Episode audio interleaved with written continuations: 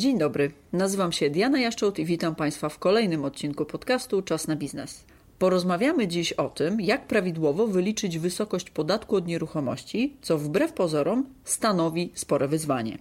Początek roku to dobry moment, aby zweryfikować poprawność swoich rozliczeń z gminą. Do 31 stycznia każdego roku firmy mają czas na złożenie deklaracji podatku od nieruchomości. Moim i Państwa gościem jest Małgorzata Pałys, kierownik projektu w dziale podatków i opłat lokalnych. Dzień dobry. Dzień dobry.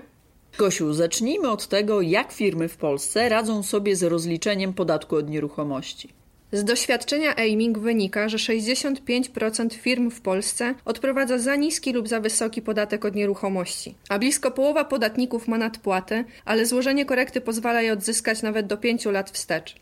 Analiza Aiming wykazała również zależności pomiędzy wysokością obciążenia podatkowego a prawidłowością rozliczenia podatku od nieruchomości. A co to oznacza? Oznacza to, że im przedsiębiorstwo płaci wyższy podatek od nieruchomości, tym mniejsze prawdopodobieństwo, że rozlicza go we właściwy sposób. Aż 71% największych podatników odprowadza do gminy wyższy podatek niż powinni. Co zatem jest przyczyną występujących nieprawidłowości? Skąd się biorą nadpłaty lub niedopłaty? Przyczyn nieprawidłowości jest kilka. Po pierwsze, chodzi o kwestie administracyjne. W Polsce mamy prawie 2,5 tysiąca gmin, które tworzą lokalne systemy podatkowe. Każdy z tych systemów może różnić się od siebie wysokościami stawek, zwolnieniami podatkowymi czy interpretacjami przepisów prawa podatkowego. Przedsiębiorstwo opłacające podatek od nieruchomości w dwóch różnych gminach nie może zakładać, że sposób opodatkowania właściwy w jednej gminie będzie można zastosować też w drugiej. Zatrzymajmy się w tym miejscu. Od 2020 roku obowiązuje jednolita deklaracja na podatek od nieruchomości we wszystkich gminach. Czy stanowi faktycznie ułatwienie dla przedsiębiorców? Jednolita deklaracja na podatek od nieruchomości stanowiła na pewno wyzwanie dla podatników w 2020 roku, ponieważ e, do tej pory podatnicy nie mieli obowiązku podawania położenia poszczególnych składników majątku, czyli wskazywania i numerów aktów notarialnych i numerów działek ewidencyjnych. Sama deklaracja jest na pewno dużym uproszczeniem dla gmin czy dla podatników, może bardziej kwestią porządkową. Dzięki przygotowaniu obowiązkowego załącznika do deklaracji na podatek od nieruchomości, podatnik wie, w jakim miejscu znajdują się poszczególne budynki czy budowle, które stanowią podstawę opodatkowania. I dzięki tej deklaracji, jak rozumiem, nie tylko podatnik wie, gdzie co się znajduje, ale jest to też duże ułatwienie dla gmin, które również wiedzą, jakie są położenia poszczególnych nieruchomości. Tak, zgadza się. Gosiu, wróćmy do przyczyn nieprawidłowego ustalania wysokości podatku od nieruchomości. Co jeszcze sprawia podatnikom kłopot? Rzecz w tym, że podatek od nieruchomości jest tylko pozornie łatwy. W rzeczywistości przepisy prawne są niejednoznaczne, a od firm wymaga się znajomości ustaw specjalistycznych.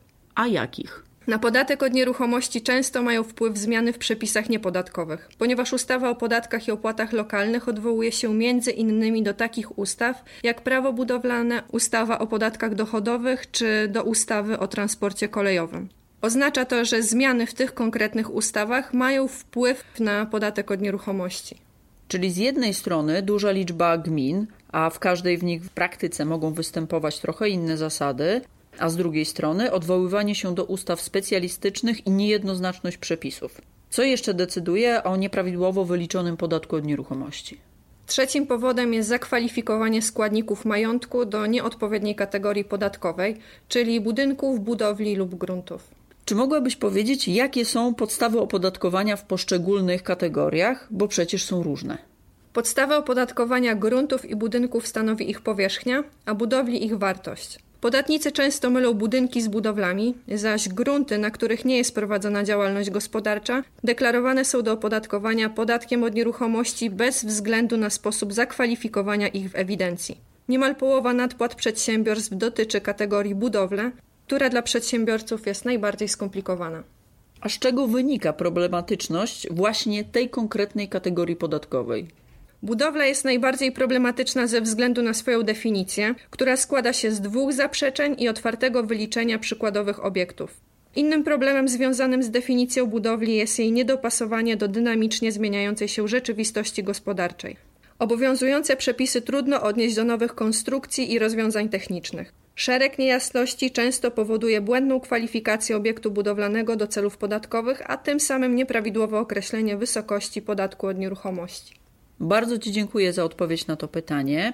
Zatem wiemy już na czym polegają problemy z prawidłowym wyliczeniem wysokości podatku od nieruchomości. To w takim razie powiedzmy naszym słuchaczom, jak zrobić to dobrze, aby nie mieć nadpłat lub niedopłat. Aby prawidłowo rozliczyć podatek od nieruchomości, nie wystarczy znajomość aktualnych stawek podatku i ustawy o podatkach i opłatach lokalnych. Należy stosować kompleksowe podejście, wykorzystując wiedzę prawno-podatkową i techniczną, tu na przykład architektów, którzy wykonują odpowiednie pomiary majątku. Co jeszcze? Należy również monitorować wszystkie zmiany związane z nieruchomościami, na przykład dodatkowe elementy infrastruktury technicznej, sposób wykorzystania gruntów czy zmiany powierzchni użytkowej budynków. Wielu przedsiębiorców nie przeprowadza regularnych weryfikacji powierzchni swoich obiektów i posiłkuje się nieaktualnymi dokumentami.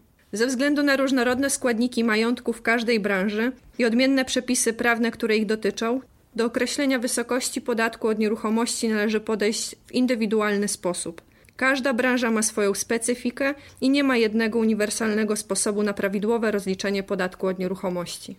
Wiele firm nie weryfikuje podatku od nieruchomości z obawy przed oszczędnościami, bo jak wiemy, podatek od nieruchomości jest głównym dochodem gmin. Co byś powiedziała właśnie takim przedsiębiorcom?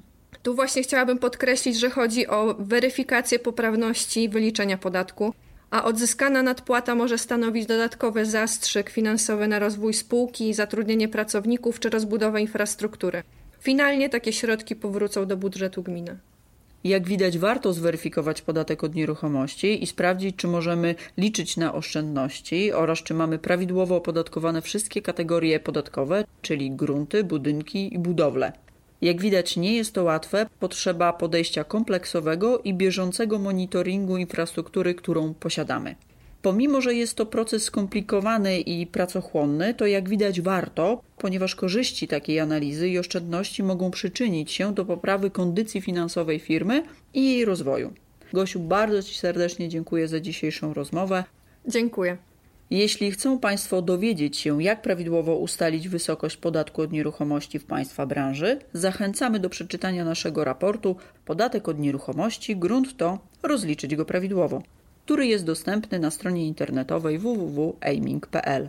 Zapraszamy również do śledzenia naszych kanałów społecznościowych i zapisywania się na newsletter Aiming News Podatki i koszty pracy.